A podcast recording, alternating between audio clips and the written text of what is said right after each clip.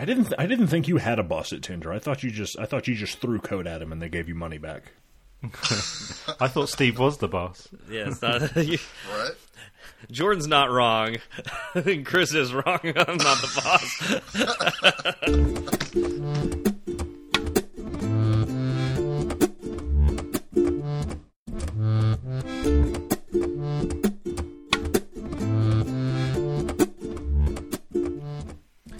Hi, I'm Chris. I'm Jordan. I'm Steve. And I'm Christopher, and this is Fireside Swift. Hey, Jordan. How are you? I am. I am well, Chris. How are you? Are you doing this on purpose, or I'm. I am. I we am rehearsed trying, this? We just went through this. I'm. I am trying so prof- hard to, to not even show. think about work right now that I, I don't want to get into the oh work's been really busy because I don't e- I don't even want to talk about work right now. That's how busy You we've should been. tell the listeners You what don't you have told to. us. You can talk about weather. You can talk about you know anything you're excited about. You can talk about your dogs. Oh, they're terrible as always. Um, You could talk about our plans in I've got, August. I've got a di- I've got three dogs and, and, and all three of them are competing for third place. That's a like race having to two the kids. Oh no. Work's super busy. We're in the middle of testing, officially in the middle of testing for our replatform project. Um, and that's all I'm going to say about that. Um,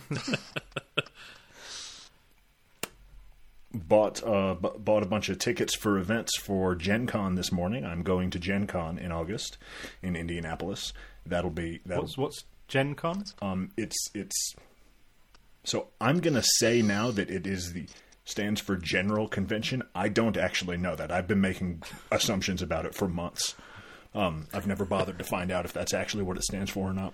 Um, it is a convention. You know, think like, well, you could have a convention for any number of things, but it is sort Yeah, of like yeah. the convention for all it's a convention things. about conventions. Yeah, exactly. No, so the convention, it's like a big, just nerddom convention, very focused on like RPGs and board games, which is the, the main thing I'm going there for. And there'll be lots of vendors and lots of events going on. I bought my tickets to go to the event uh, several months back. It takes place in August, but today is when registration to buy additional tickets to actually do specific things there happened. So I spent my morning doing that, Nice.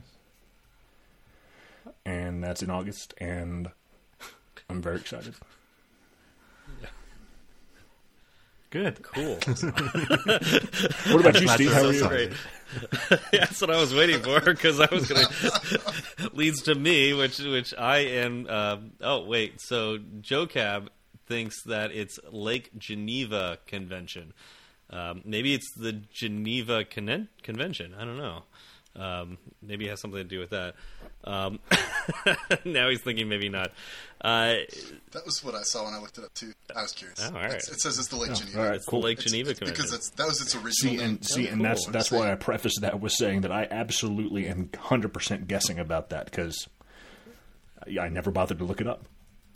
I don't care what it stands for. I know what's going on there. I know that I'm going. I don't care what yeah, it stands so for. it's it's what the lar- I think it's the largest board game convention in the Western Hemisphere. Um, but that might be challenged by PAX. I think there's a PAX East and a PAX West, and both of those are pretty big. big. Yeah. Um, I haven't been to any of these conventions before, so I've never been to a board game convention. Um, but uh, I, I decided recently to uh, to join Jordan to, to go to this convention. Um, and I did not spend my morning uh, picking the extra events I want to go to there. Um, It's all right. I, I, bought extra tickets. yeah, I have no, I was thinking no idea what to expect. Yeah, thank you so much. Do people um do people cosplay as like board game characters or anything? Um, again, haven't been there. Don't know. That's. Yeah, I, but like from pictures, it's like they, they cosplay as like they're D and D characters and other Uh, like anime characters and things that they they care about, Yeah. dragons and stuff. It, it's it's. I'm sure it's a smorgasbord of of people who barely want to be there to people who are in the full on cosplay larping their convention situation. I'm Yeah. I'm somewhere on the the former half of that. Um, but it'll it'll it'll be a fun time. Um, there's an event. I'm just I'm just there. excited to like be a, like Yeah. I'm I you know I didn't know what to expect going to Alt Conf that first year, um, eh, or you know first time I went, and but I knew I was very passionate about iOS programming, and I went and I came back so excited, and you know I don't know when I'm ever going to like have this motivation to go to Indianapolis to go to a. A Lake Geneva convention, but um, you know, Jordan invited me, and it sounded fun, and you know, I I said, "What the heck? Let's do this!" And uh, so got tickets, and I'm and I'm going, and um, I don't know if I'm going to come back as motivated as I was from AltConf, but uh, Yeah. you know, it, it's possible. You know, it's it's possible. I've never done a. I don't know what people do at board game conventions. Me either. Um, so I I like game? board games.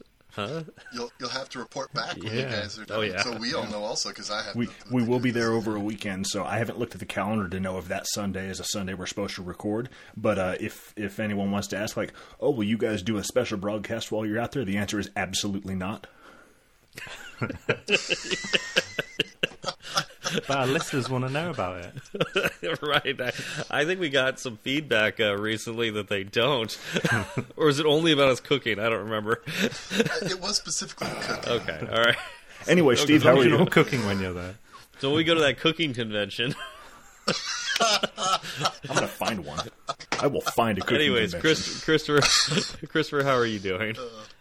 I am doing well. I'm doing well. Like uh, like I've been talking about earlier, just uh, about a month ago started. You know, first job as an iOS developer, and I have been absolutely loving it. So Congratulations for that. It's been a lot of fun, and uh, yeah, I mean, you know, it's been great because Is it is it everything? Is it everything you thought it would be when you were aspiring to be an iOS developer, and now you officially are? You are a professional iOS developer. Yes, pretty much. nice. That's great. That's wonderful. Uh, yeah, it's it's yeah, it's been a lot of fun. That's for sure. Did you say you've been there- been doing it for you know. for one month now? Yes, just about a month. Oh, cool. Yeah. Just maybe a little over a Yeah, month now. yeah. yeah. Any surprises in that first month? You know, you said it was exactly what you thought, but was there anything slightly different? Um, I, I guess not. I mean, so I'd say not really, because like, so the last couple of months before I did this, I, like Mm. I mentioned, I was in the uh, Project Underdog, and so basically I was full time Sure. like practicing and improving. Yeah. And so like at that point, I was like so wanting to get a job that I was doing like lots and lots of hours. So like the, the I guess the only thing that's really different is while it is a startup and there's a lot of you know like a lot of pressure to get the product done right because that's that's what we need in order to get to profit. Um, at the same time, it's a lot more like I feel like if I took time off, it would hurt less. Like if I took time to go take my son to the park or just be you know Mm, mm. like I, I don't know. Like even during the day like you know my, my boss has been pretty pretty clear about like that's it's okay to take that time for ourselves too. awesome. um, he wants the product done. Obviously he wants it done. Um, but also you know he's, he's been he's been I think that would be the only thing is like he, that that you know the, the the team I've been with and my you know, CEO like they've been really really good about even though it's a startup and obviously it's really important a lot of pressure like Mm. they've been really good about you know taking taking the time I need especially for my you know spend time with my son Oh, that's awesome. Yeah, that's really good to have a su- supportive so that's- I company. feel like- yeah. Yeah, yeah. So I think that would be probably the only real like surprise, and that's like a surprise in a positive way. Is just Yeah. like it's less. You know, I've I've always worked like warehouse jobs or you know as a CNA, you know, for a while. Just jobs that you know when I was at work, it was there wasn't. You know, it wasn't like oh yeah, just go take go take your lunch, take an extended lunch, you know, and go take your kid to the park. Like that wasn't. A Yeah, thing. yeah, yeah, absolutely. you know, that was definitely not a thing. So Yeah. it's definitely it's it's a nice change of pace in that sense. That sounds great. One thing I I know that I've uh, was a surprise to me was that something my boss said to me recently, which is programming is eighty percent planning and actually twenty percent coding, and that was just that kind of whole ethos is, is such. I think it'll be. I, I've suggested it be, should be a show topic one day, but um, it's just such a. You know, we do a lot of planning and we do a lot of meetings. And then even when you come down to starting the piece of work you're working on, it's not a case of just right bring it bring up X- Xcode and start coding. It's a lot of planning involved, and that's something that's really surprised me. I suppose is you kind of just assume you're just sat there at computer all day, you know, tapping away at the keyboard, but in actual fact, you're not necessarily doing that as much. Yeah, I think that's one thing that like I did expect because at Lambda, that's definitely one of the things. Like especially with the uh, the labs program Sure. at the end, like that was a big thing they taught us there. That's was cool. planning Yeah, is a yeah. big thing, and and I was a um, TPL like at, after I had graduated, which is like at the labs. It's like the TLs, but for the labs program, right? So you're you're kind of when you say run it, the, for for our, for our audience, what is a TL? Oh, a TL was a it was like a team lead, so it's like a teacher's assistant, right? A TA. Um, so TPL is kind of like that, but for the lab lab program where you're working on like a you know, team project, right? Sure. And um, and so the you know we were the kind of like the project lead, and um, and so they had us do a lot of the planning, but then even beyond the planning that we did before the, it actually started, we, we would have this, the the students be doing a lot of planning on top of that planning, right? So so yeah, definitely I got I definitely was exposed to that there. So like that was Yeah, yeah. that was something honestly we've done less of probably because we're trying to rush too much but like Yeah. but but there still is a lot of planning like i say that like we still do a lot of it it's just it feels like maybe it's even less than we did with that labs right Yeah, yeah. and um This, Yeah, it's, and, uh, you know, this is one of the things I really liked about Lambda was that to get you that experience. You know, not everybody got to be a team lead, and not everybody got to be, you know, the team, you know, the TPL. Um, but uh, you know that that is just, I don't know, it's just such great experience that is hard to get when you're trying to break into the industry. Because it's an experience that you're going to have now in your job. And you're going to and that's any further job are going to they're going to expect you to have this experience. But before you have that they're like companies are, are less willing to take a chance on you if you don't know how to do that or have experienced that you know ownership of an output is you know important. And so yeah that that is something I really appreciated about Lambda is that they gave those opportunities to, to folks like you. yeah i agree. Yeah i definitely have, have always thought i especially felt like that labs part was really one of the things that sets it apart i think from from like a lot of other. I just wish they still had an ios program. I know, I know. because then I could actually recommend it to I other know. people for iOS. But now it's just like, well, you know, if you want to do web dev, you can go there. Yeah, yeah, and I yeah, But uh, yeah, yeah. That, but yeah, that's that's definitely one of the things I really liked about Mm-hmm. it. yeah. Anyways, uh, Chris, how are you doing? How was your week? Yes, it's been yeah, it's been yeah, I think four weeks since I last recorded. So two weeks ago, um, I couldn't record because my sister was visiting, and she's well, she's been living in, she's lived all over the place. She's lived in Vancouver, she's lived in obviously England, but she's now living in Australia, and we've not seen her because of COVID for about three years, and she's actually never met my daughter, who's who's just turned three years old. So that was really nice. So. Yeah, she visited for a few days. She had a wedding to go to in the New Forest, which is about 20 minutes from me.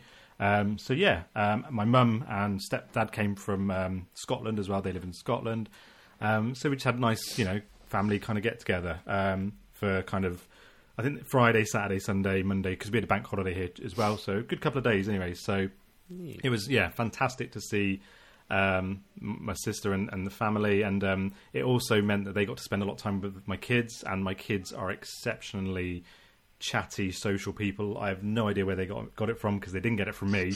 Um, but I've always encouraged them to be outgoing because I never was. So You don't talk a lot. I mean, I Well, hear you we- talk on this podcast, you know, quite a bit. Yeah, well, I, Well, I- I- like I said. our topics are well thought out in advance, and um, yeah, Chris we is all do a lot of prep. well, I always said when I first joined Fireside Swift, I would never have put myself for doing a forward for doing a podcast, and now I'm thinking about it. I'm now starting to get, I think, PTSD of, of actually doing one. So, um, whilst I'm doing one, but Yeah. no, um, no, it's just um, yeah, they they they were really um, engaged with my sister, and, and it was just lovely to see it all, and and yeah, so it was a lovely couple of days. Um, so that was really great. Other than that, I've been managed to get my drone out recently, which was really cool. I haven't flown that for some time, um, and I I've been playing Ben a lot of the drone. Oh, uh, he, I think he got one after me, but you know we don't talk about that. But, uh, I don't know if that's true or not. Um, Wait, did, does Ben have a drone? I don't remember. Did yeah, did he he's got. A, I think he's got a Mavic Mini. I think he said. He, he- to be fair, he's had one for some time. To be fair, I don't think um, we, we we knew each other had one until about a year or so ago. So yeah, drone buddies as well. So. Um, so yeah, um, I'm, I've also been playing a lot of um, Guardians of the Galaxy on Xbox, which is really, really, really great fun. I'd recommend it to anybody if who's not played it. Um, work wise, just I always sound like a broken record here. It's been brilliant. I'm always learning so much. Um, we've also we've we've started to review.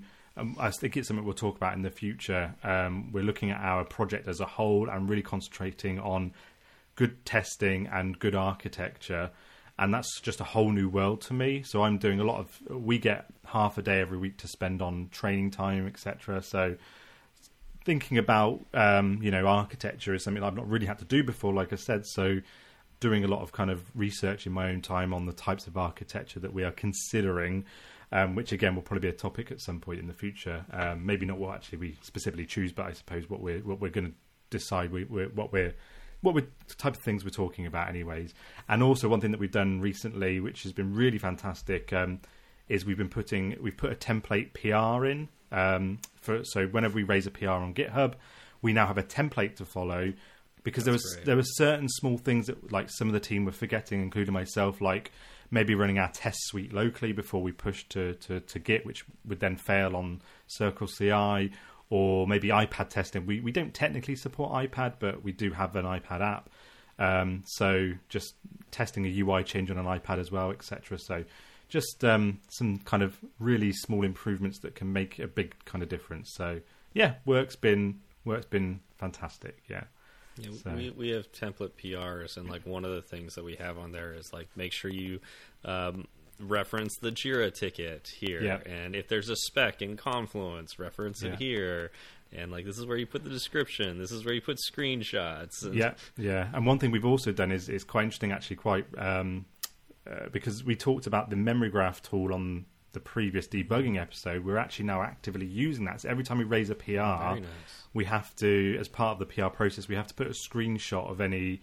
Um, any memory leaks that we might have identified, and if we have identified them, we then have to raise another PR that addresses that. Uh, um, at, maybe not specifically as part of you know immediately, but it has to be something that we have to deal with at some point. So raise some tech debt tickets. So um, it's just awesome. yeah, very um, uh, yeah recent because we talked about it on the, the on the show as well. So yeah, that's really cool too.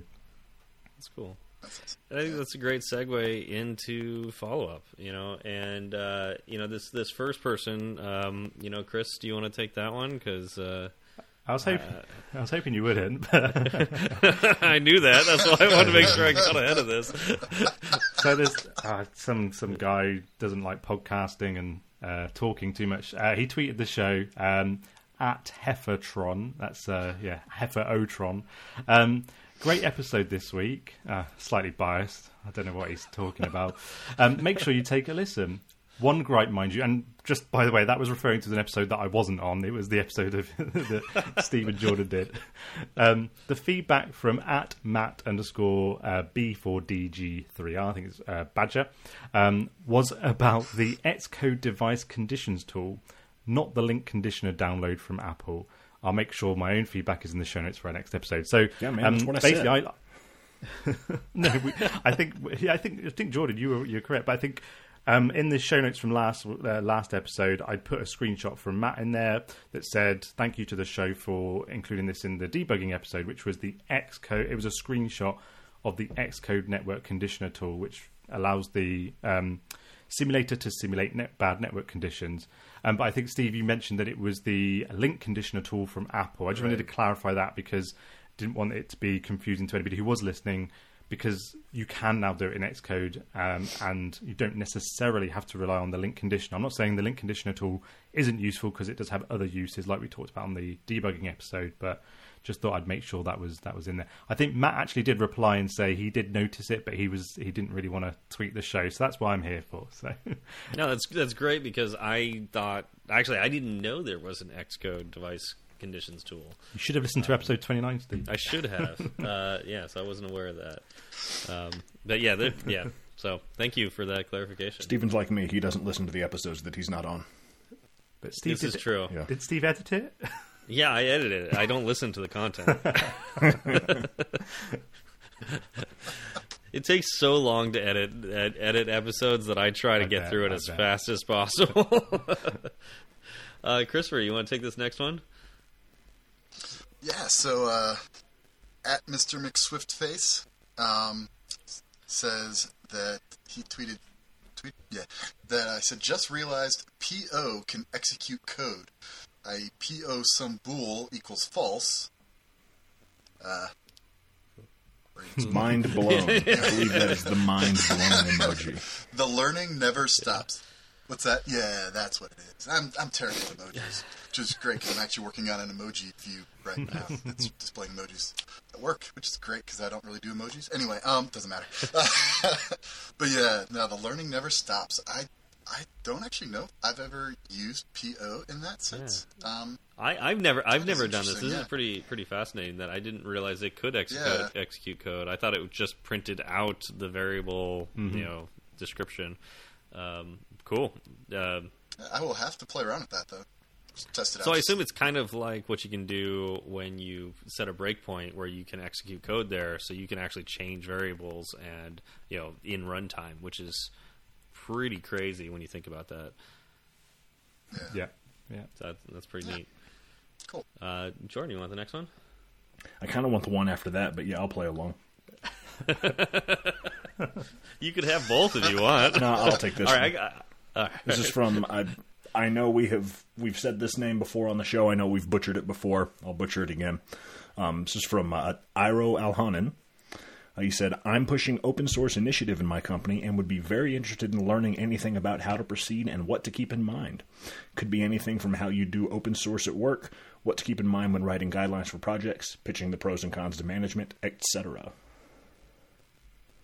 Yeah. Uh, does anyone have experience with open source on this show? I mean, other, other than other than finding open source code and taking it and shamelessly using it for something else, no. yes. No. Uh, so yeah, I would say like I I probably have the most experience with this, and it's very very small. Um, I know that at Tinder we have like a couple open source projects, um, and I will say it is usually very difficult to pitch to a company to make it worth it to do open source, even if it helps the community, creates goodwill for the company, um, you know, gets people to build, like to, to contribute to a, a framework that your team uses, and you know, like just make everything more robust. Um, there are so many good things to open source, um, but it can be a almost insurmountable mountain to you know overcome to, to get leadership to recognize that and give you the tools and timing uh, time to, to, to work on that. Um, I think this would be an excellent topic. I don't think any of us are probably qualified to talk about it because I have not been able to do this, so I can't speak to it. If anybody, any of our listeners, obviously have any um, tips or anything they want to mention, then then this message was on our Slack channel. So if you want to message uh, Iro on our Slack channel, or uh, he's on Twitter as well. So yeah, any advice would be appreciated. I think. Yeah, and in Iro, if you and I hope I'm saying that right, unless it's an L, that might be an L. No, that's probably it. Looks like a capital I. Iro, um, if uh, if you succeed in doing this, and you would, um, this would be super valuable for our listeners. Uh, and you want to come on and you want to co-host with us, we would love to have you on. We'd love to talk about it. Um, we'd love to pick your brain about it and uh, you know bounce it around. Um, or if anybody is listening to us and feels like they are an expert or you know can speak to this, um, this would be helpful for our community. We would we would love to have you on as well. All right, so let me take this this last one from uh, Gavin Jerman uh, at Gavin Jerman uh, J E R M A N. Um, he asked for, uh, may we have some Swift talk this week, please? Sorry. And then uh, we get another, uh, uh, you know, snarky comment from Swifty McSwiftface. Hmm, novel idea.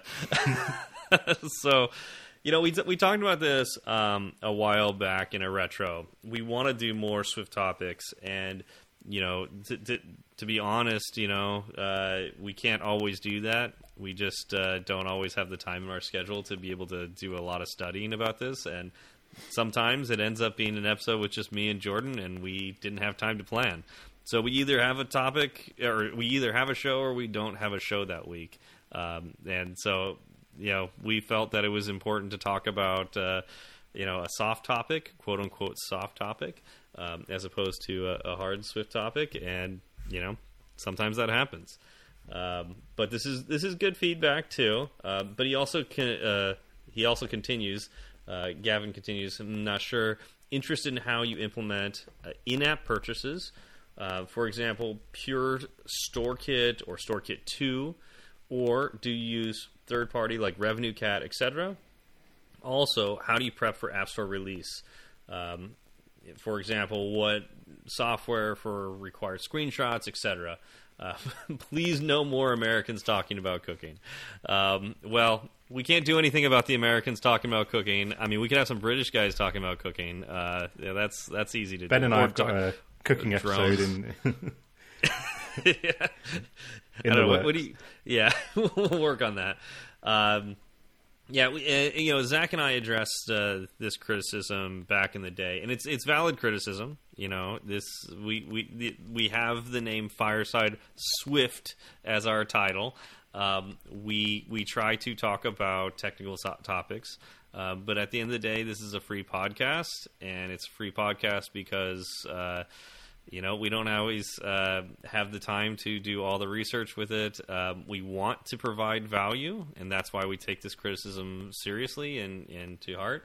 Um, we want to uh, provide topics that are valuable to our listeners, but uh, we also want to talk about things we want to talk about, and uh, that's why we provide chapters. You know, that's one of the the biggest reasons we provide chapters. So. Um, Gavin, I highly recommend um, that when you uh, download the podcast, uh, you look at what topic we're going to talk about, skip ahead to the topic, and then don't listen to the after show. Please, for the love of God, don't listen to the after show. it will always be something other than, than technical. Um, but uh, you know, we, we will tr- we'll add this uh, in-app purchases idea to our list of ideas. Um, we'd love to talk about it. Um, so uh, we'll we'll get it in the uh, the the docket and uh, try to talk about it as soon as we can. I will say, like apps, you know, prepping for App Store stuff. That's not Swift.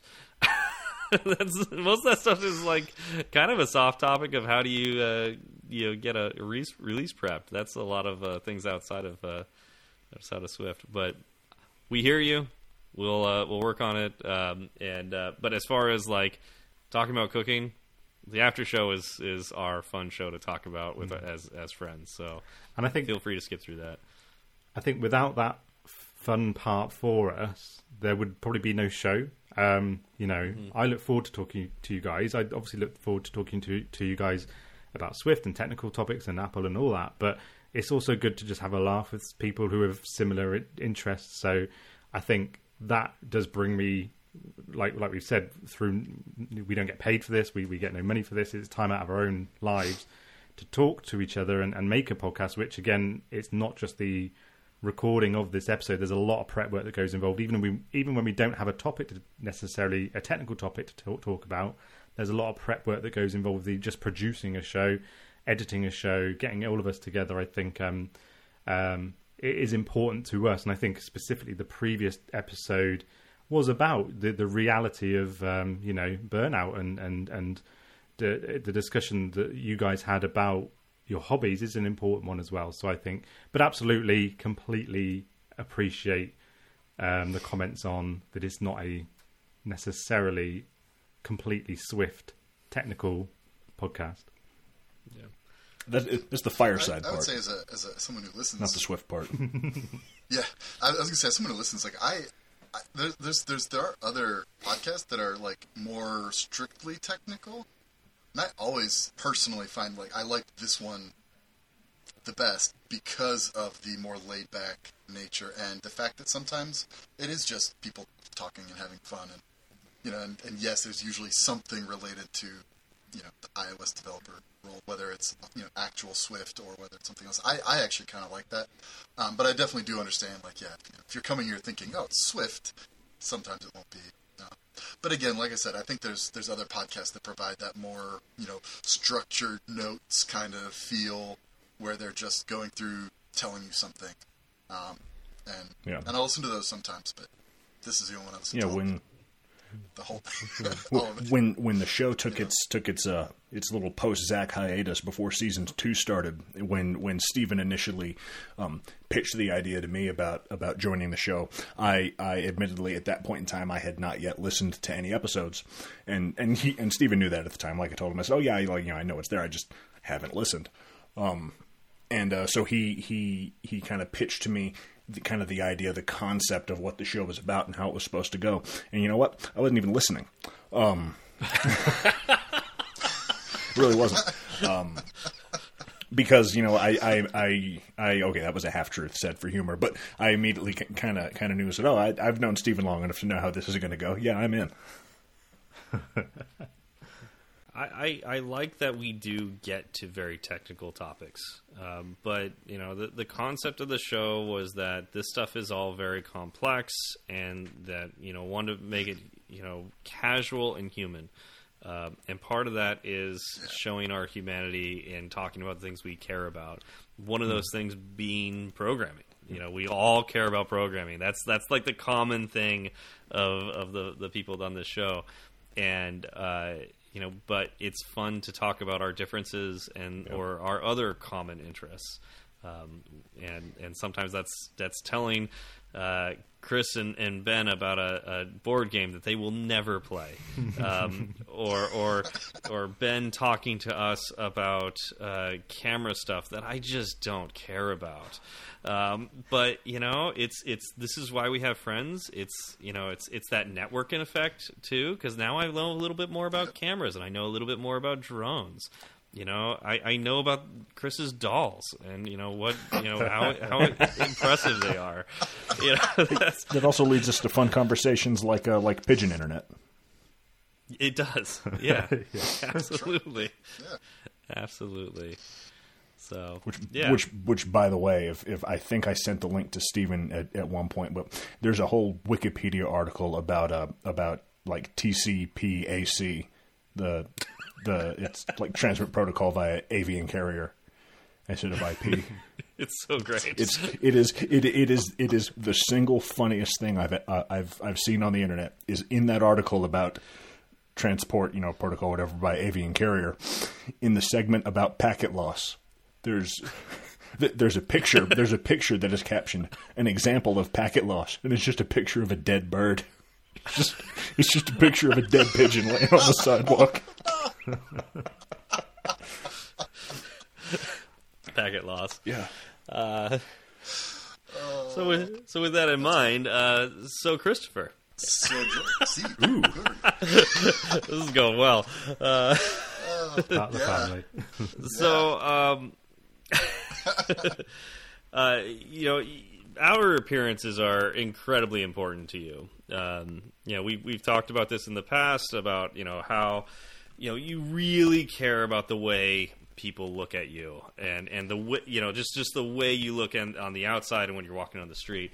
Um, can you talk us, you know, a, talk to us a little bit about like how you prepare the way you look? Um, well, you know, so yeah, I wasn't prepared for this. No one ever is. So like, unlike when, you. like, like when you walk by, uh, uh, uh, you know, storefronts and you look at the windows. Do you look at the window and see, you know, what the view looks like of yourself at all? Okay. oh yeah, absolutely. I usually consider it pretty hideous, but yeah, I do absolutely. Like, do you ever like? Uh, when you're at home, uh, you know, storyboard this out. Like this is this is how I want to be seen uh, when I'm walking down the, the street. It's like I want, I, I'm, I'm gonna have this shirt on and like you know th- th- this hat on and Yeah, definitely, definitely plan that all. out. It's all in the mirror in my, you know, in the bathroom, right? All planned out there. This is what I need to, you know, be wearing to make sure I look just right and make sure my hair is, you know, Gotcha. combed Do you ever take right. pictures and just like you know rearrange like hats and stuff like on your head or like shirts to make sure that it's like exactly what you you think it should look like? Yeah, I mean, you got to play around with it a little bit to make sure you're really going to have the right, the right Yeah, uh, yeah. view there when people are looking. Okay. Are, are there any other tools that you use um, to, to to customize your look? Um, do, you- do you know what I find really frustrating when I'm staring at a mirror and all of a sudden my whole body rotates and then Oh, man. yeah, uh, it's just so frustrating because then you know all the all the clothes that I had on, all the kind of accessories I had, they just kind of all go everywhere, and it's just it could be really frustrating. Yeah, You know, I've I've heard that there's ways to constrain the clothes to yourself such that they don't go flying off like that. In fact, you. Be yeah, there, there's like I, I've heard like there like you use like belts and stuff to like make sure that like you know in uh, different orientations of your body that like the they'll constrain all of these um, these these items to you in, in the way you expect it to be constrained. Yeah, I'll have to look at that. that, that's a fascinating concept for sure. I'll have to look into buying. Yeah. So, uh, what we've decided to talk about today is uh, how. Uh, yeah, this was a little difficult for me to think of a good segue for uh, because we, we want to talk about the different ways to set up your view um, via either storyboards or Zibs, uh, programmatic UI, and we left off in our, our topic notes Swift UI. That's the new the new kid on the block here. Um, so let's let's dive into this one by one uh, and spend a little bit on each one. Let's start with storyboards. This used to be Apple preaching storyboards is the future of setting up views on iOS. And where are we now? How do we all feel about storyboards? Let's start with Christopher. I would say they definitely have their use, but not really in my code anywhere. Okay. All right. All right. Uh, no, I, I, I say that I recognize that they are they are really convenient for setting up a, a view that is not dynamic. That's fairly simple, fairly straightforward, right? If you just have a just a flow of say log, you know, registration information and it's just entering information, that might be a really good quick way to set it up. Um, because it would work well for that, right? You'd have just quick, easy visual. Just it's very fast to put it together. Um, I personally don't generally even use it in those situations. Why not? Um, and, and I do recognize that that why would be a very Why would you not use storyboards? more basically just I, I'm much more just in the habit of doing it, you know, more Okay. programmatically, and I just get right into it and I just do it the way I'm more more comfortable, more just naturally would do it. Um, but like I recognize that there would be, and, and, and they do. You can use both, you know, all three, Right, all three, right. all four together, right? They they they do all work interchangeably, um, relatively, and um, it's like there's no nothing really that would stop me from using the storyboards for those simple views that are just just a straightforward flow, right? That's just a story, right? I'm, I'm registering. I'm just giving my information. It's my story about me. Just putting the information in there, right? Um, there'd be there'd be, you know, really no nothing that would stop me from doing that. Um, I just, like I said, for me, it's more just preference. That that I just prefer, like it's all programmatic, and then it's just it's easy for me to know. Yeah. I think um, storyboards for me are a really great entry point into learning, le- learning, learning programming. And what I mean by that is, it, it's it's so difficult. It's such a technical, difficult thing to learn from the off that having something visual to refer to, at least for me when I first started, it kind of took one layer of kind of abstractness. Uh, It just took one layer of that away from from that. And, and I guess again, just to go a bit deeper into that, what I mean by that is just to have something that I could look at that said, right, this is what it should look like when it's on my phone. And again, we had a bit of a joke with the segues about constraints and, and when you you know auto layout potentially when you change the device rotation and all that. Um, but um, just having something visual on screen that you can start to link what you've written in code up to something visual, whether that be a button or um, a, a label or, or something, it just was a very kind of breaks you in slowly into that that that kind of abstract level of, of, of understanding what, what it is you're even doing. And I'm, I'm just thinking about I, I don't know why this popped into my head, but I'm just thinking about the, the very first the very first storyboard that I set up as as kind of cropped into my mind, which is I remember having one storyboard, one um, Swift file, and I think all it did was it had a, a, a, a UI image on on the storyboard and uh, um, a button that if you tap the button, it would switch the image from one image to another image. And just seeing that visual just really helped kind of solidify what it was I was doing in the code. And I just think that was, I think without having some sort of visual representation of that, I'd have been lost completely. Still am a lot of the time, but I think definitely at the start, um, definitely had its worthwhile there. Yeah, I agree, and I know, like we talked about, like Lambda School earlier. At Lambda, they definitely start off with storyboards, and I do think I would have had a much harder time getting started if they had just started off with programmatic. Definitely, that lets you. It takes one thing off your plate while you're first learning, right? Like you said, it's one layer less of it, you know, or one one layer abstract, whatever. Um, but it, it, it's just one less thing you have to focus on. About oh, now let me write code to create this Yeah. button or whatever. Um, and so definitely, you're right. It definitely makes it easier when you're learning. And like I said, even when you are not just learning anymore, it has its uses for sure. Um, I just, I, for me, when we got to the programmatic part, I just really, really loved it. kind of. Yeah. Um, but yeah, definitely. That said, if they had started off with programmatic, I probably would have stuck with it. But it would have been a lot. So you've said. Christopher, I- that you you now kind of um, absolutely would choose programmatic UI over doing something in storyboard. Why is that? Why would why would you now go that route? I, I think a lot of that is just there's I've found things that I find it much easier to do. Again, it's like it's not those simple views that are any easier, right? It's it's when you get to mm-hmm. views that need to be a little more a little more complicated. They do something on the screen, something's happening, and you're gonna have to write some code to make it happen anyway. And I, I tend to just find then just writing it all programmatic is just kind of all one. It's, it feels more consistent, more co- coherent that way. Like I'm gonna have to in certain things switch to doing some programmatic code anyway. Um, and again, that's where the, the the, the the parts of your of the app that don't have that kind of dynamic, you know, um, changing, you know, structure or whatever, is where really there's no downside to using the storyboard at that point, other than maybe, you know, poor. Mm-hmm. Yeah, uh, that. I was eventually going to get to that. Um, but I figured we'd talk about the good stuff first. Yeah. So it's not no down. It's, it's not Yeah. no no downsides, but like definitely like yeah, if you just have that, like I said, that registration flow can be done easily with storyboards and something quick to put together.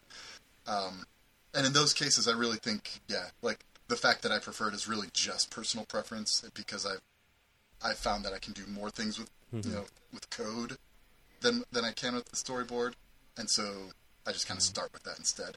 Um, but I've definitely thought like as we're going through like the app I mentioned at work, you know, that there'd be some some places I would probably could have mm-hmm. sped up the process, like in our registration flow where I did do it programmatically, but possibly could have sped up that process if I would have used storyboards.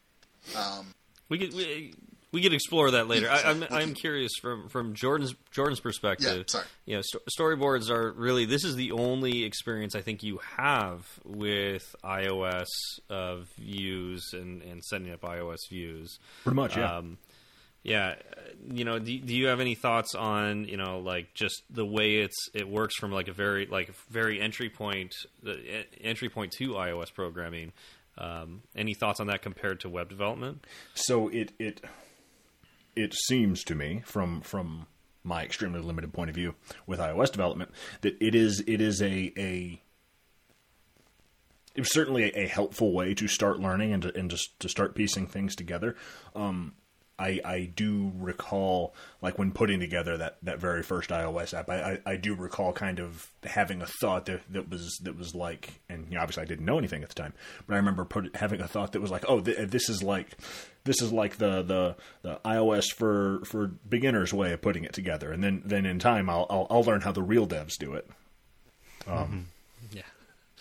Did, did it ever did surprise you to find out that a lot of real developers, you know, just use storyboards yeah, for, for yeah. I, I, I do I do recall I do recall being yeah I was I was a little surprised. I mean I think by the time I realized that or by the time I learned that I was I was in deep enough that it made more sense to me. Mm-hmm. Um, so I mean they're they're fine. yeah, yeah. All right. Yeah, I I know for a long time A lot because less cursing Apple was when preaching. using storyboards. I have noticed that. Yes and no. I think Just wait till you get to some merge conflicts, and Yeah. there's plenty of it. yeah, and also like miss, missing constraints, but you're just like not sure what I, what it's complaining about, Ooh, duplicated or constraints. too. duplicated constraints for sure. Those are fun. Yeah, those are fun. but um, Confuses it a little bit. Yes, it does. Uh, yeah, I know. I, I remember when I, I first became a professional iOS developer because Apple was leaning so heavily into like interface builder being like the future, and particularly storyboards being the future of iOS development. I was very stubborn about everything needs to be in storyboards.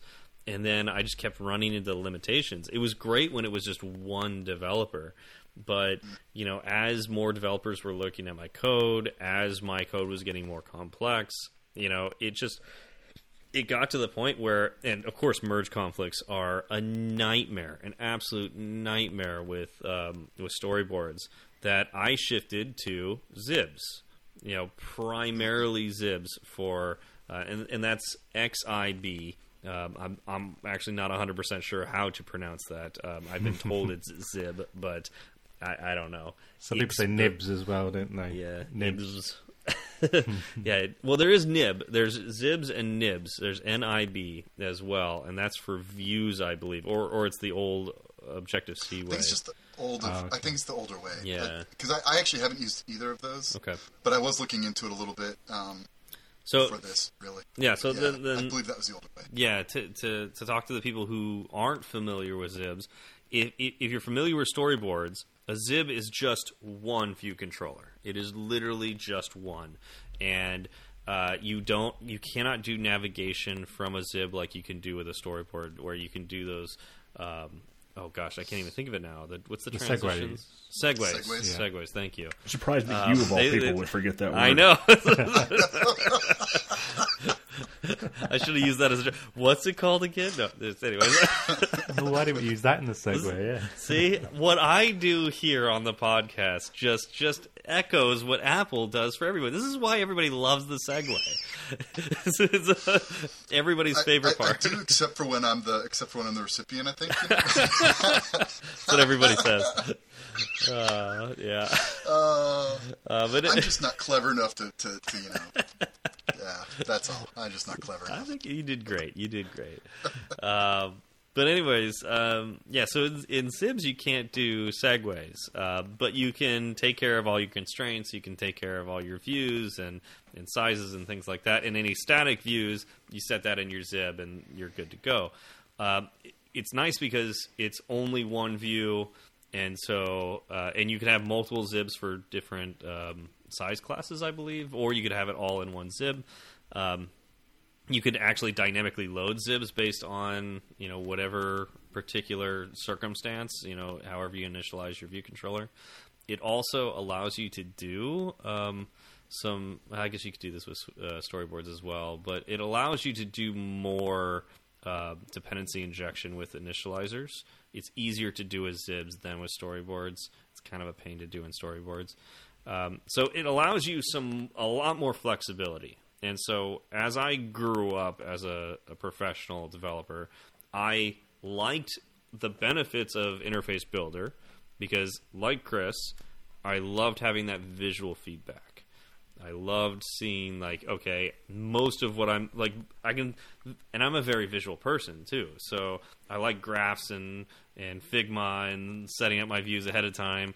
So like I want to see what everything looks like ahead of time, and and Interface Builder was useful for me as a developer to be able to do that. And then I would tweak it programmatically if I needed to. Um, but yeah, anyways, uh, so Zibs allowed me to to do that. Um, did anybody else? Uh, well, so Christopher, you said you don't, you never use Zibs.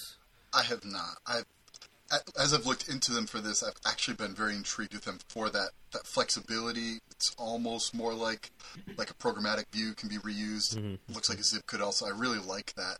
So I've actually been really intrigued with the idea of, of using them. There are downsides, and we'll No, talk I about haven't. we'll talk about them in a second.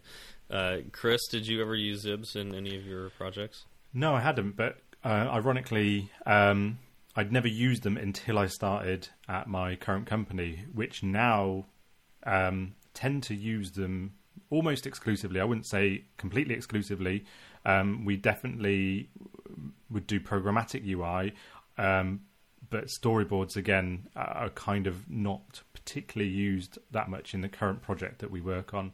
It, I would say the the majority is done in Zibs, then some programmatic UI, and then there's one or two storyboards in there, but um, yeah, not so much. But and but I think it's funny because my learning curve was completely the other way around. I started with storyboards, I then learned programmatic uh, UI, and and I've only had to learn Zibs because I've been working at the current company. So, um, which, like I said, is inverse of actually what I'm doing in my day to day job. So um, that's quite funny. But um, but yeah, That's awesome.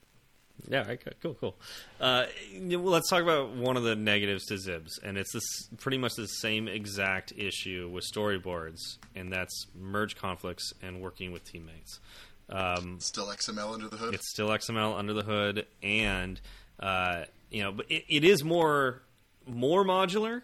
Whereas with a storyboard, you could have many different views um, in one storyboard, and so you know if if uh, t- teammates are working on different views, you might be conflicting with each other. With Zibs, now you just can't work on the same view, which sucks Yeah. as you scale up and you have more developers, and maybe you are like they, maybe there's multiple teams working on the same view. That gets to be a major problem at certain companies. I work for a company that has a problem with that, so so that would not be good for us. Um, yeah. But uh, yeah, so anyway, so it's got really the same problem as storyboards. It you can once you get good at it, you can get through merge conflicts with the XML because it is XML and it is sort of readable, but it's not great. It's not great at all. Yeah. Anyways, programmatic, which we've already touched on. Um, uh, Christopher, it sounds like this is your primary means of setting up views. Yeah, it is. It is my my my preferred method. Um, yeah, so it's it's like I said, I, I, I use it because it's it's largely more versatile, more like anything you can do with any of the others, you can do with you can do programmatically. Um, so if you're it, like as just if you're just doing one, it's the one that lets you do everything essentially. Um, well, other than if we're including Swift UI, you can do pretty much. You know, it's, that's a similar. You know, like you, you know, you don't have to. Well, We'll we'll we'll, we'll, we'll, Depends on we'll get to what- Swift UI. Yeah. We'll get to Swift UI. yeah, I was gonna say that depends, I guess. But yeah, as far as like these three, like you know, programmatic kind of you can do anything. Um, and so like I never fi- I never find a spot where I mean maybe I find spots where I don't know how to do a thing, but it's because I don't know how to do the thing, and uh, storyboard wouldn't help. It probably wouldn't help in those cases. That's just then I just have to learn. Okay, how do I do this thing right? But um, that's one of the things I like about it is just I won't run into something where I have to change. Um, like I said, the main the main the main downside is it is it takes more time. I would say that's the biggest downtime. It is slower than throwing together a storyboard. There's also no visual feedback unless you run the uh, you know run it, which my the, the, the app I'm working on at work and personal projects in the past have all been small enough that that's not really a big deal. But my understanding is you get to some of the bigger apps. Um, I, I I did a um, just for some experience with the open source. You know, I, I fixed a bug on the Signal app, right? Um, and running that app through the you know that that probably isn't even the biggest one out there. It, ju- it definitely it took a while to load. Having to do that for every little change visually would be a pain. So definitely that's one. You know that would be sort of the downside there. But like as far as the positives, the nice thing is you never have to like you can do anything you want as long as it's possible to do with code. You know, yeah. if it's possible to do it, that's that's the way. You can. Yeah. It's just Most things are possible with code. If it seems like it's not possible, there's just not enough code there. yeah, exactly. Just add more. Add more code. That's true. I almost feel like um, programmatic. I mean, probably all all of these uh, kind of topics could be individual show topics because you can go. We we could go into a lot more detail about you know the types of things you need to remember when you're doing programmatic UI, or the types of things you need to do when you're doing segues and storyboards, etc. But I think programmatic UI, for me at least, again, like I said earlier, it's it's that jump from the visual representation to having zero visual represent- representation unless, like you say, you, you, you run the app. Um, and even then, it doesn't necessarily display what you think it's going to display. Whereas if you had some visual representation, you can actually see, okay, it might be because I've missed this constraint. However, I think, like you said, Christopher, um, programmatic UI does feel um, a lot more flexible and um, it's just for me i would definitely say my preference is still programmatic ui um, it just um, i don't know it, once you get over that kind of level of, ab- of abstractness it just kind of makes sense in your mind when you start laying things out. You, you kind of you kind of almost got your own in your own mind a visual representation of um, what it is you're trying to, to show and what it is you're trying to display. And then when you lay that out in words it just kind of makes sense doesn't or it does to me anyways. And i think that's probably why that jump is is quite a big jump. But once you start getting more familiar with programming as a whole, it just feels a bit more kind of um, uh, logical. I think it's a good way to explain that. Yeah, logical. Yeah. Yeah. Yeah, another another thing I I liked is well, I would say overall it's time consuming, and and you might be able to do it actually probably can with storyboards and stuff. But like with storyboards, if I want a button that is going to look the same on on each view, it feels like, and you might tell me there's a better way to do it. Like I have to kind of create that button in storyboard on each one to look the same, whereas I can write, you know, an extension, of, you know, a, a, a, convenience initializer on button to create a button exactly the way I want it to look, so that all throughout the app, which we have a button style that we use in, you know, 50 places in our app, right? Mm. And I just call that initializer and create the button exactly the way I want it to be, and it's very, very simple to do when you know by just creating it once and and and I don't know I guess with storyboard you could do that, but then you would be using that code to override what the storyboard's doing. Uh, you can well, make a custom you. Could, you, you could do a custom actually. Could you? Yeah, you could. You could do that, and actually, yeah, set that. I think it's des- hmm, designable. Yeah, the at designable um, annotation yeah. and at inspectable. You can create a custom view uh, and add yeah. custom uh, parameters to it, and it would show up in storyboards. However, it is super, super buggy. and will often not oh, work. Yeah, yeah. I've, never used that, so I, will have to take your word on that. Yeah. But yeah, yeah, but I do like that. I, that that's one thing in you know programmatic. If I have something that I know I'm going to use lots and lots of places, I just write it once, mm-hmm. convenience initializer, and just call it that way. It's yeah, I, always going to be the way I want it to look. I think I still maybe because of my experience with it, um, just having more experience with it. If I was working on a very small team, like I don't know, just a few developers at max, um, I would prefer to use Zibs um, as my interface of choice uh, because, again, I am a very visual person. But um, you know, I've gotten comfortable with programmatic views. That's what we do at Tinder. Um, everything's programmatic. It has to be, um, just because we have so many developers, and we mm. often are working in the same interfaces, and um, you know, just cannot, you know, deal with those uh, collisions that would happen. Uh, I would imagine even the minimization of, of just having one view on a zib would probably still be yeah, it'd be too much. Yeah, exactly. Yeah. So. Um, but we also because we have so many developers we have a lot of tools that help us with programmatic uis like for instance one of the, you know at, chris you were talking about this about how we could easily make um, and we should probably should do an episode on like the things to remember when you are setting up one of these things specifically like programmatic uis um, with programmatic uis you got to think about constraints and you got to think about um, turning the uh, was it the automatic translates auto, translates, translates, translates. auto resizing mask I, I brought which I can yeah, yeah. but a terrible name by the way you know? It's like the one of the most important properties you have to remember if you're going to do programmatic UI this this tells you how little Apple cares about programmatic UIs because mm-hmm. they made this ridiculous property that is re- you have to turn off. You have to turn off and I never remember what it's called that's one advantage of convenience initializers. I just, I know. Yeah. just I remember in the first, um, I think, first week of my first um, of my job, um, we were doing some programmatic UI with two senior devs, and they'd forgotten to do this. And I said, "Oh, have you tried doing this?" And it was the most happiest moment of the first week of, of my company.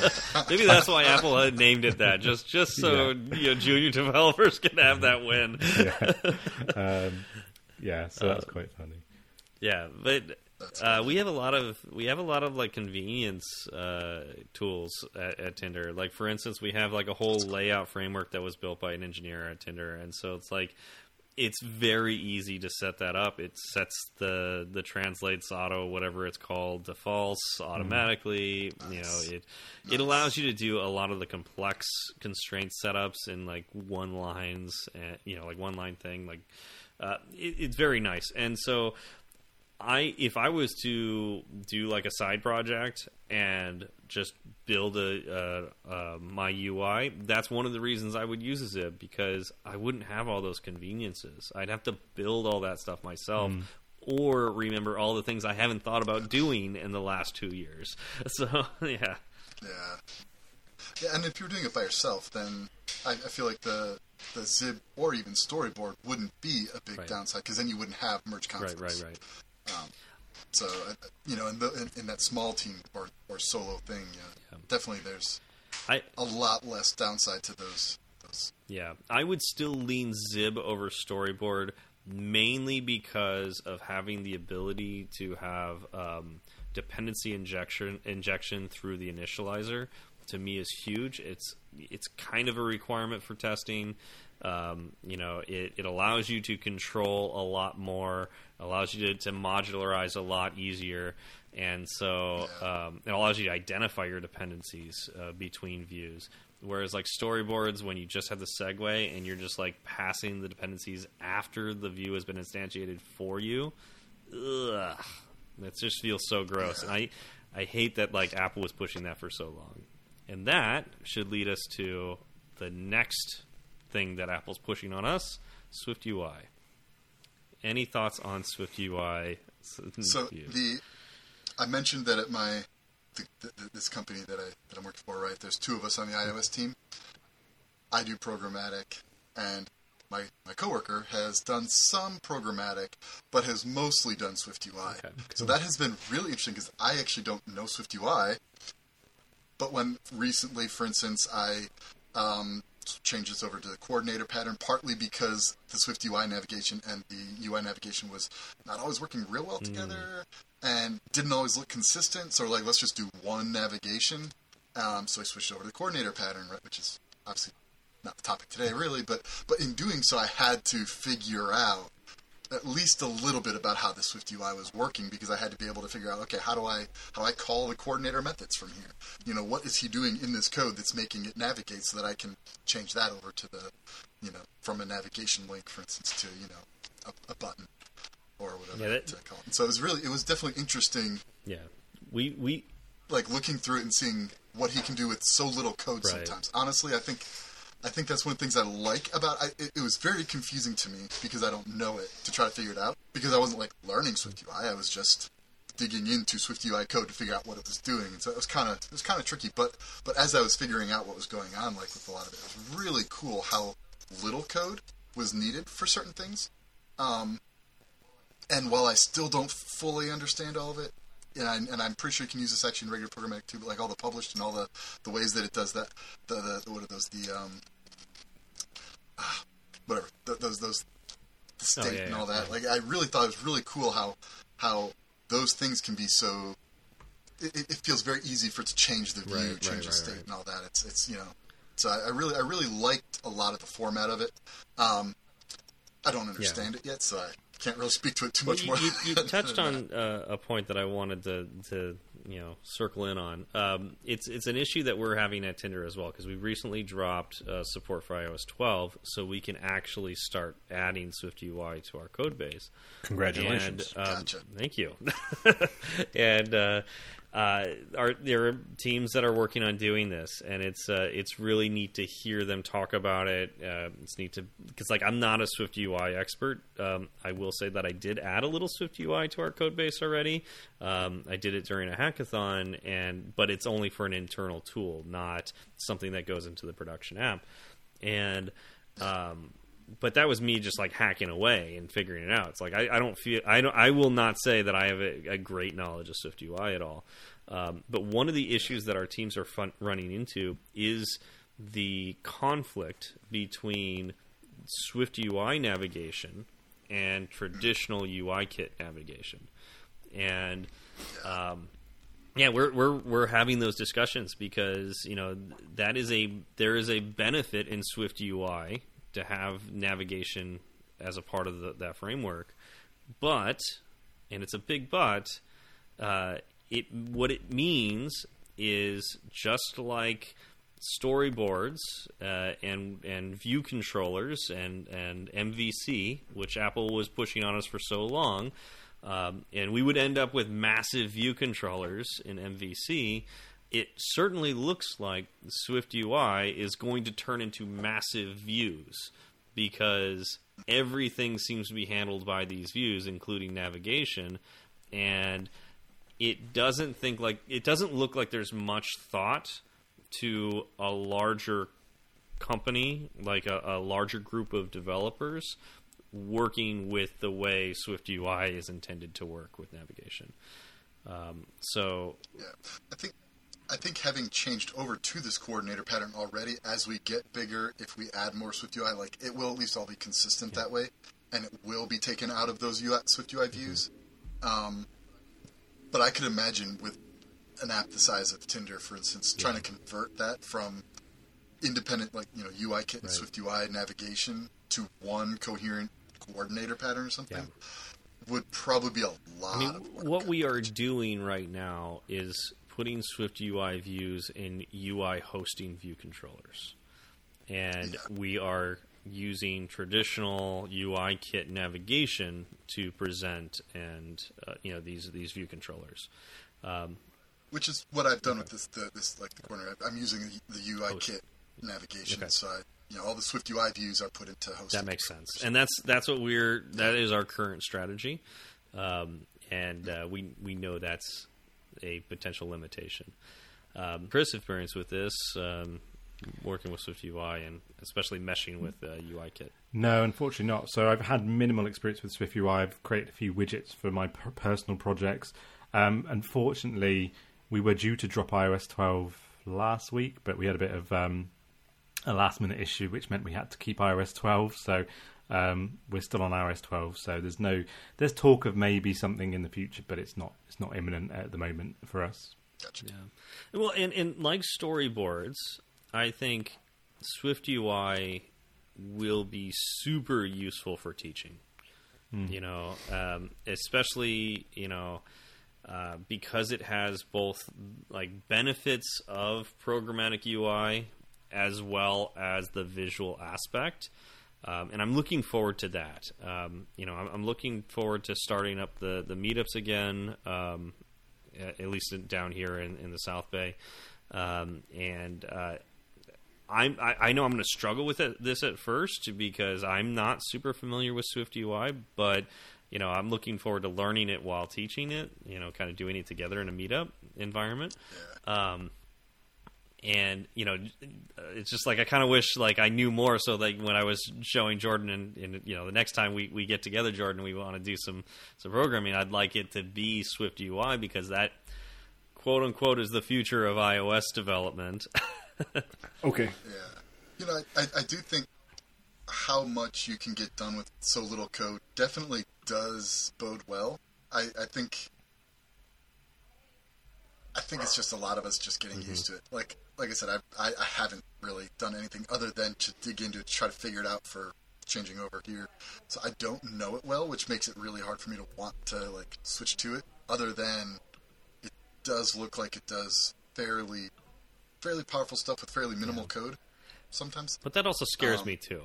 You know, it's like what what are, what are the limitations? Well, you that's- know, where, where are the edge cases? Well, so the obvious, obviously the concept of that is that they want it, they they want it to be heavily on Apple mm-hmm. to figure out what this thing means, and that means that as Apple changes how a standard should be, they they can change that on their end, and your code theoretically theoretically doesn't have to change, and it just adapts to the way Apple wants it to look. The problem with that, of course, is if you wanted your app to look a certain way.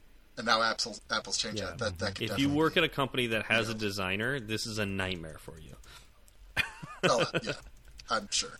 I think, yeah, I, I, I, I don't know Swift UI well enough, but I definitely I look at the the design that we've been given, and I don't know how my you know my, my teammate Sammy, I don't know how he manages to to make it actually look like that because like to me it just feels like like a nightmare to try to make it look like that. Whereas with programmatic, I know exactly what to do with with a Zib or, uh, or even a storyboard. I would know exactly how to make it look like that. Now maybe all the functionality would be harder on a storyboard, right? But but I would know how to make it look like that at least in those. But like with Swift UI, it's like, I mean, I, I have to tell it generally what the idea is, and then Apple interprets, and you know, yeah, you can be pre- you can be pretty precise, I'm told, but um, it definitely feels like that's not the intention. The intention isn't for you to be precise. It's for you to tell tell the app this is generally what it should look like, and Apple to kind of run with that and say, all right, here's what we're going to do with that. And yeah, I, I think on the one hand it makes it very resilient, but on the other hand it also makes it very. It's not under my control anymore, which which I kind of like. You know, so yeah, Yeah, and this is like in web development. They've had this for a while. This declarative UI, like React, uh, is supposed to be this way. Um, and Jordan, did you you messed with React a bit, right? Yeah, I've used React. Yeah. So any any concerns about like um, a designer make wanting to have your your website look a certain way and uh, struggling, you know, fighting the the framework for that?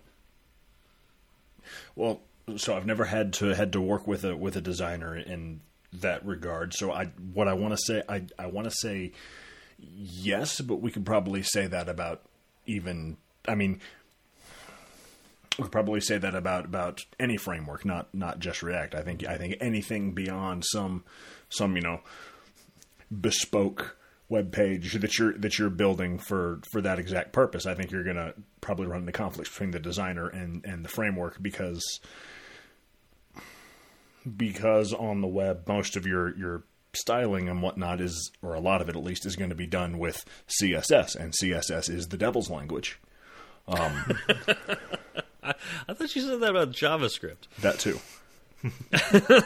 Uh, he, he he speaks a few Yeah, languages. he- I think. he's he's multilingual. Um, or she. It's like Canada. Canada there's multiple official languages, and in hell, there's also a couple official languages. yeah, yeah.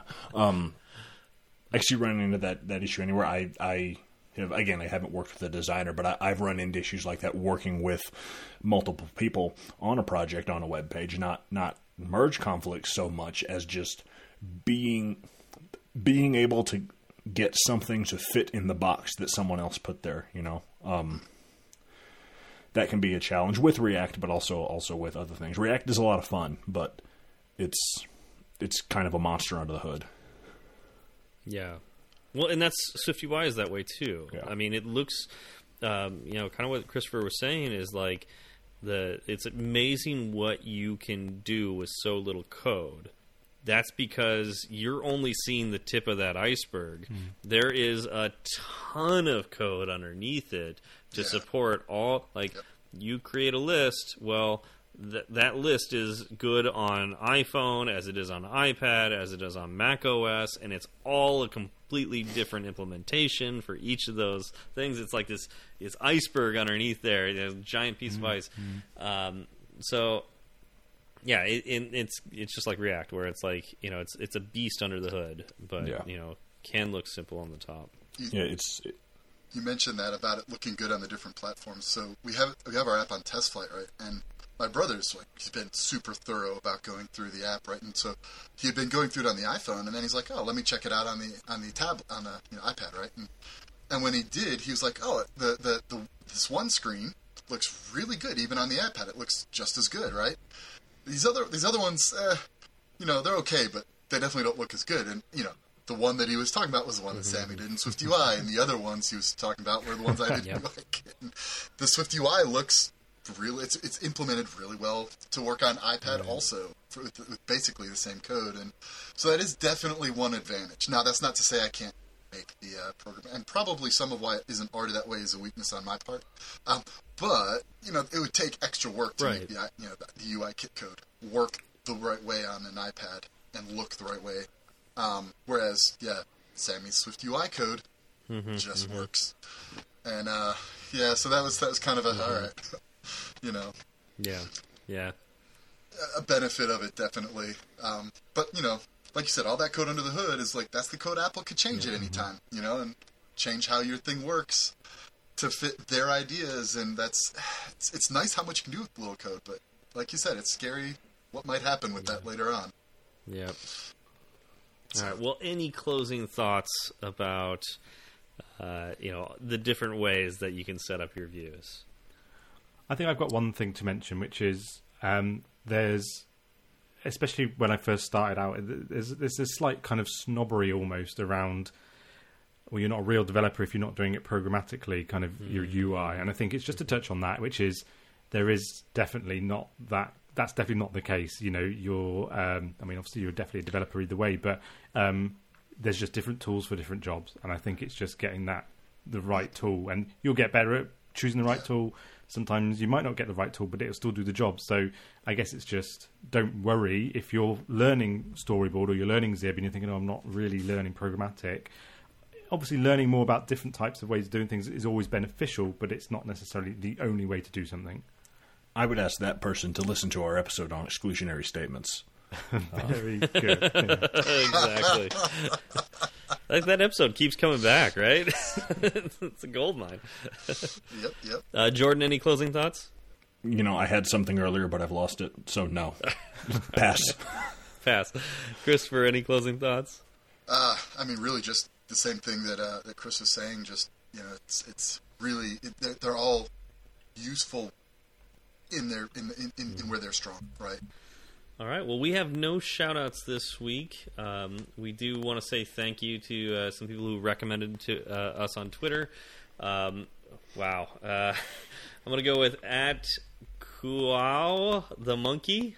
K Y A W the monkey.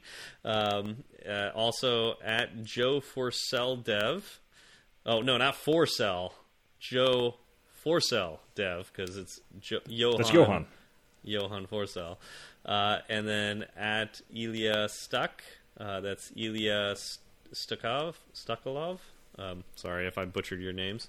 Uh, I don't even think I attempted um, uh, Kiyaz Kiyazeyalintan. Sorry, I'm sure I screwed that up.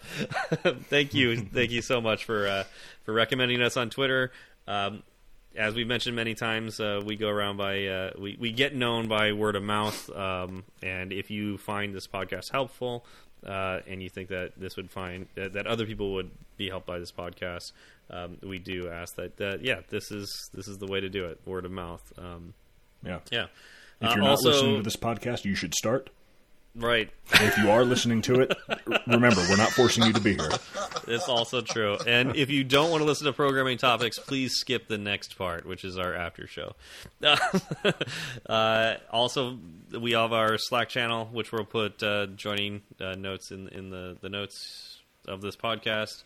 Uh, we do sell merch on our site, which we make like eight dollars every six months out of, and uh, we also want to hear some topic recommendations. We got one from a from a, a user that we talked about earlier, um, not a user, um, a person on Twitter, the listener. Thank you, yeah, from Gavin. Gavin. Thank you so much, Gavin. Gavin. Um, and we'd love to hear more. So, all right, I think that's it. Thank you all for coming out, and we will see you next time. Thanks for listening. Later, y'all. Have a good one. It's such a good feeling to be back with you, cause second season was long overdue. Let me introduce you to the new Fireside crew. Chris and Ben are the English blokes who correct your grammar and tell witty jokes. Jordan is the baritone. Steve's the one you already know. Zach left to spend time with the shorties. Raise a glass or tip your 40s, giving props for the last three years and for helping out so many peers. Now let's get down to business. Let the four of us beg your forgiveness for excruciating segue puns and mistakes that might confuse someone. Twitter's great if you heard us slip, or if you want to share a pro tip, we're at fireside underscore swift fireside underscore swift. You can message the entire ensemble, or just one of us if you're more humble. We'll leave our handles in the show notes for you, and get back to you real soon.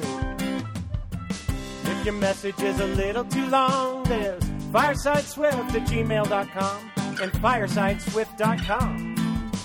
Firesideswift.com. If you like the show, leave a review. If it's five stars, we'll mention you on the very next show we do. In a fortnight or two.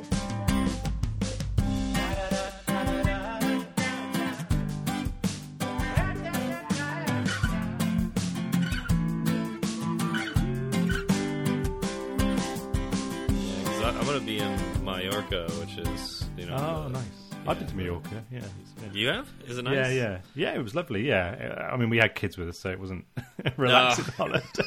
It was great, So, except uh, we had kids with us. it So was as actually, nice no. as a yeah, exactly.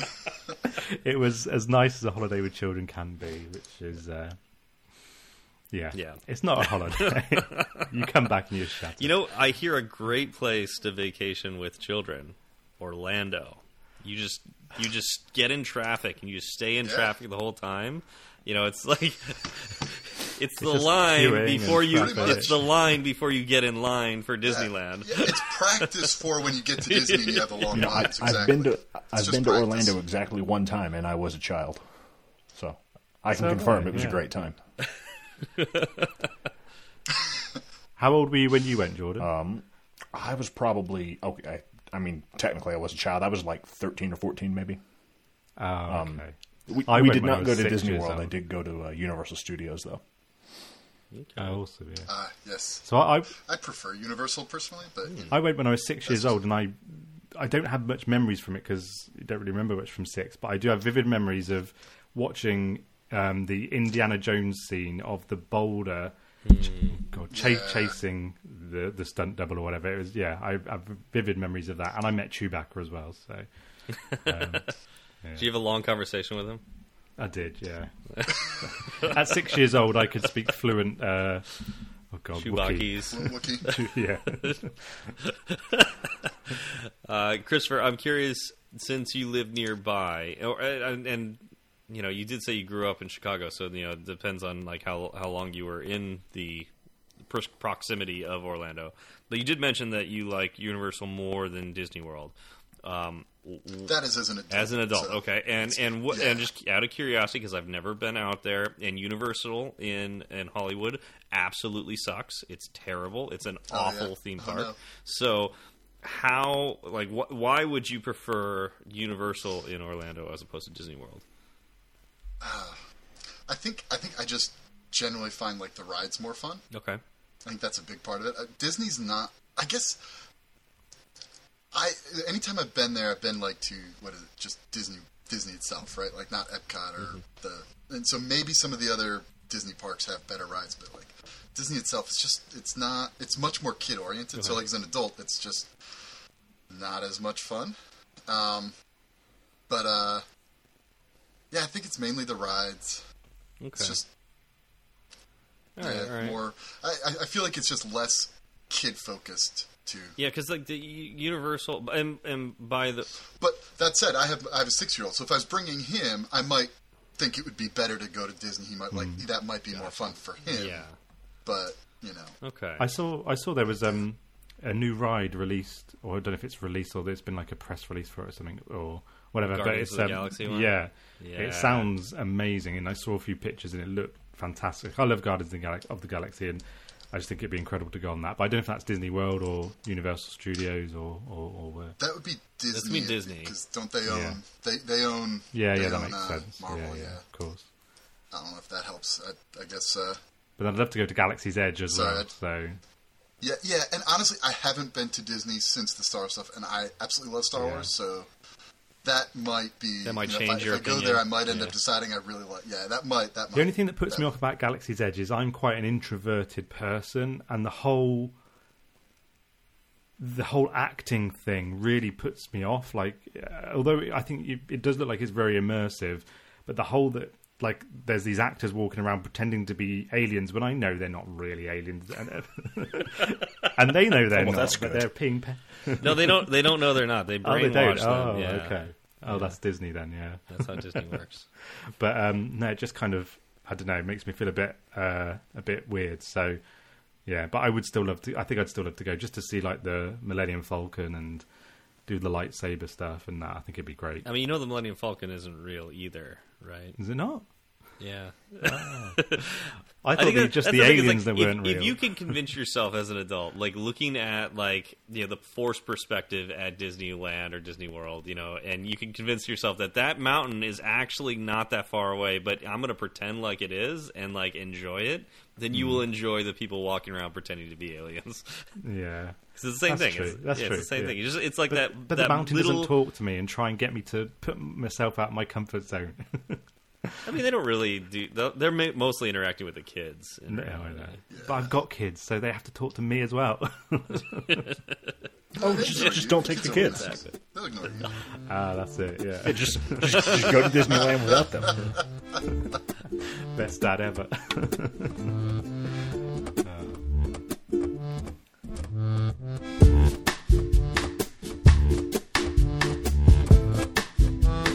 Ding.